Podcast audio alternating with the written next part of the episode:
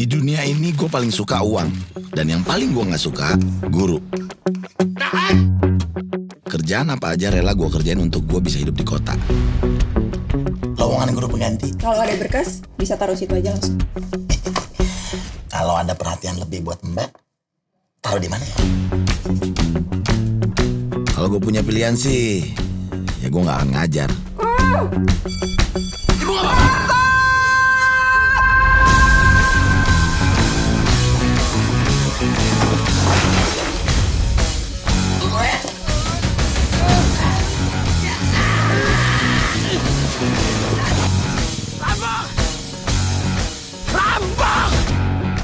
minta maaf atas kejadian ini.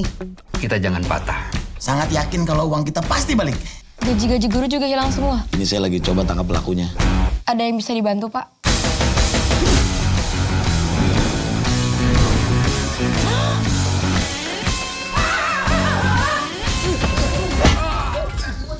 Minggir, Pak. Iya, minggir.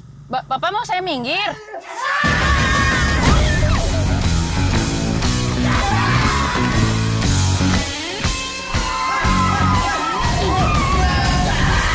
Saya punya cara ngajar sendiri kok. Siapa yang menandatangani proklamasi? Bukan saya, Pak.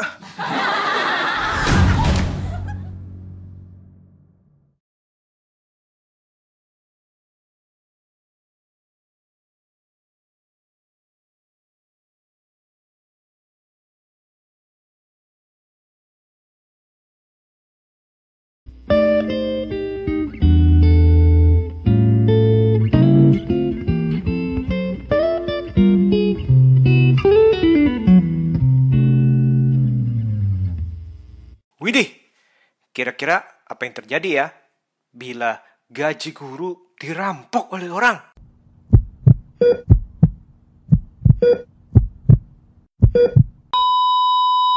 Hey hey hey, selamat bergabung kembali di channel BB69.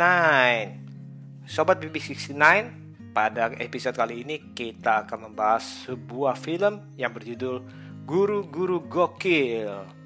Film ini berkisah mengenai seorang pemuda yang bernama Taat yang diperankan oleh Gading Martin yang mencoba merantau ke kota besar untuk menggapai impian dan sukses.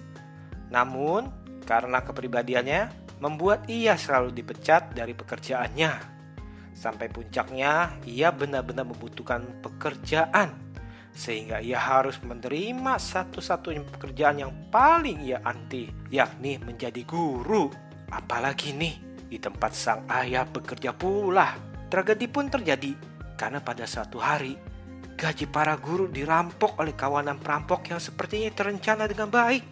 Maka, Taat beserta teman-teman barunya yakni para guru berusaha memecahkan misteri dan mengembalikan uang yang dicuri.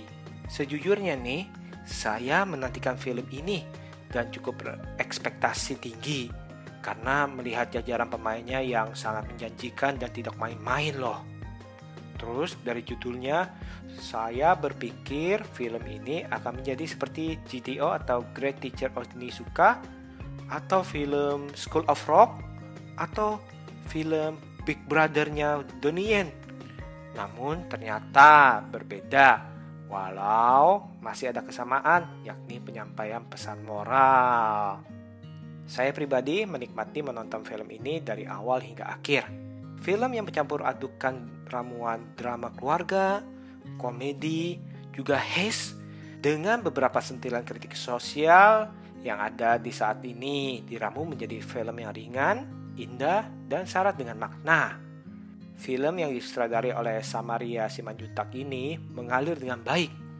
Shot demi shot ditangkap oleh kamera dan disajikan dengan sinematografi yang cukup apik dan indah, dipadu dengan ton warna yang cukup memanjakan mata penonton. Para pemainnya juga sangat baik memerankan karakter mereka di film ini. Gading Martin sebagai Pak Taat dengan baik menggambarkan pribadi yang tidak pernah serius, mementingkan diri sendiri, cinta uang, dan haus kasih sayang dari sang ayah. Faradina Mufti dengan baik menggambarkan sosok Bu Rahayu yang galak dan tegas. Nah, Pasti banyak dari kita langsung ingat akan sosok guru atau penjaga tata usaha yang galak, judes, dan susah dirayu. Sang produser film ini, Dian Sastro Wardoyo, Walau hanya sebagai pemeran pendukung, namun bagi saya malah beliau sangat mencuri perhatian dengan penampilan yang tidak menarik, malah memancarkan suatu aura yang tidak bisa dijabarkan. Dan dengan baik, ia berubah menjadi karakter Ibu Nirmala yang diperankannya pasti kita akan ingat selalu kata-kata rengginang, terus habis itu kacang hijau, pokoknya segala tingkah lakunya dia pasti kita akan tertawa-tertawa kecil lah mengingatnya. Apalagi tuh pas dia lagi nyetir mobil tuh, ampun deh. Boris Bokir sebagai Pak Manul juga dengan baik menggambarkan sosok yang polos dan lugu namun baik hati. Sosok Asri Welas tidak ketinggalan nih sebagai kepala sekolah Ibu Indah yang pastinya akan mengingatkan kita kepada kepala sekolah kita yang di satu sisi memiliki sisi baik, di sisi lainnya menyeramkan juga. Oke, tapi nih film ini bukan berarti sempurna loh.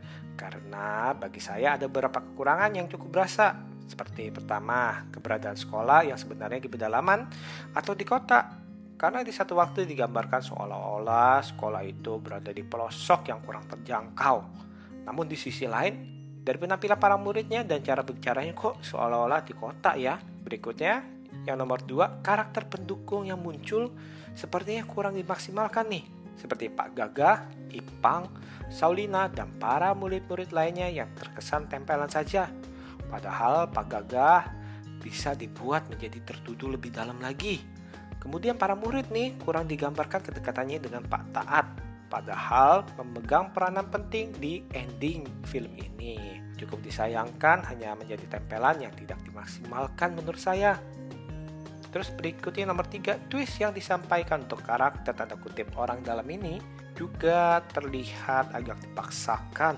Apalagi bila kita menonton ulang dan melihat adegan demi adegan yang tidak menggambarkan motivasi dari orang tersebut dan twistnya ya tadi saya bilang itu benar-benar dipaksakan. Yang keempat mungkin menurut saya sih durasinya kurang panjang atau naskahnya kurang padat sehingga ada yang terasa kurang di dalam film ini Nah, sebelum menonton film ini, sebaiknya mendengarkan dahulu podcast guru-guru gokil di Spotify nih, karena di sana akan digambarkan sosok Pak Taat yang sebenarnya.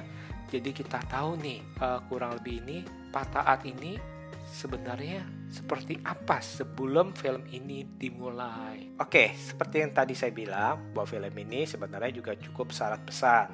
Seperti yang pertama, peran guru jauh lebih besar dari yang kita bayangkan. Ikatan emosi juga menjadikan seorang guru menjadi sahabat, kakak, bahkan orang tua kedua kita selain di rumah. Nomor dua, para guru tidak sedikit yang mempunyai penghasilan yang sedikit. Namun, karena dedikasinya mereka tetap mengajar, dan banyak dari mereka harus mencari tambahan usaha untuk menghidupi diri dan keluarganya. Yang ketiga, ada perbedaan tipis antara cinta uang dengan keinginan untuk maju. Dan hal itulah yang nanti akan menentukan siapa diri kita sebenarnya. Yang nomor empat, menjadi guru tidak hanya kepintaran otak saja, namun pendekatan, membagikan ilmu, dan wejangan juga dibutuhkan. Oh iya nih, jangan lupa juga dengan musik dan lagu yang mengisi film ini. Lagu semua murid, semua guru mewakili dari keseluruhan alur dari film ini.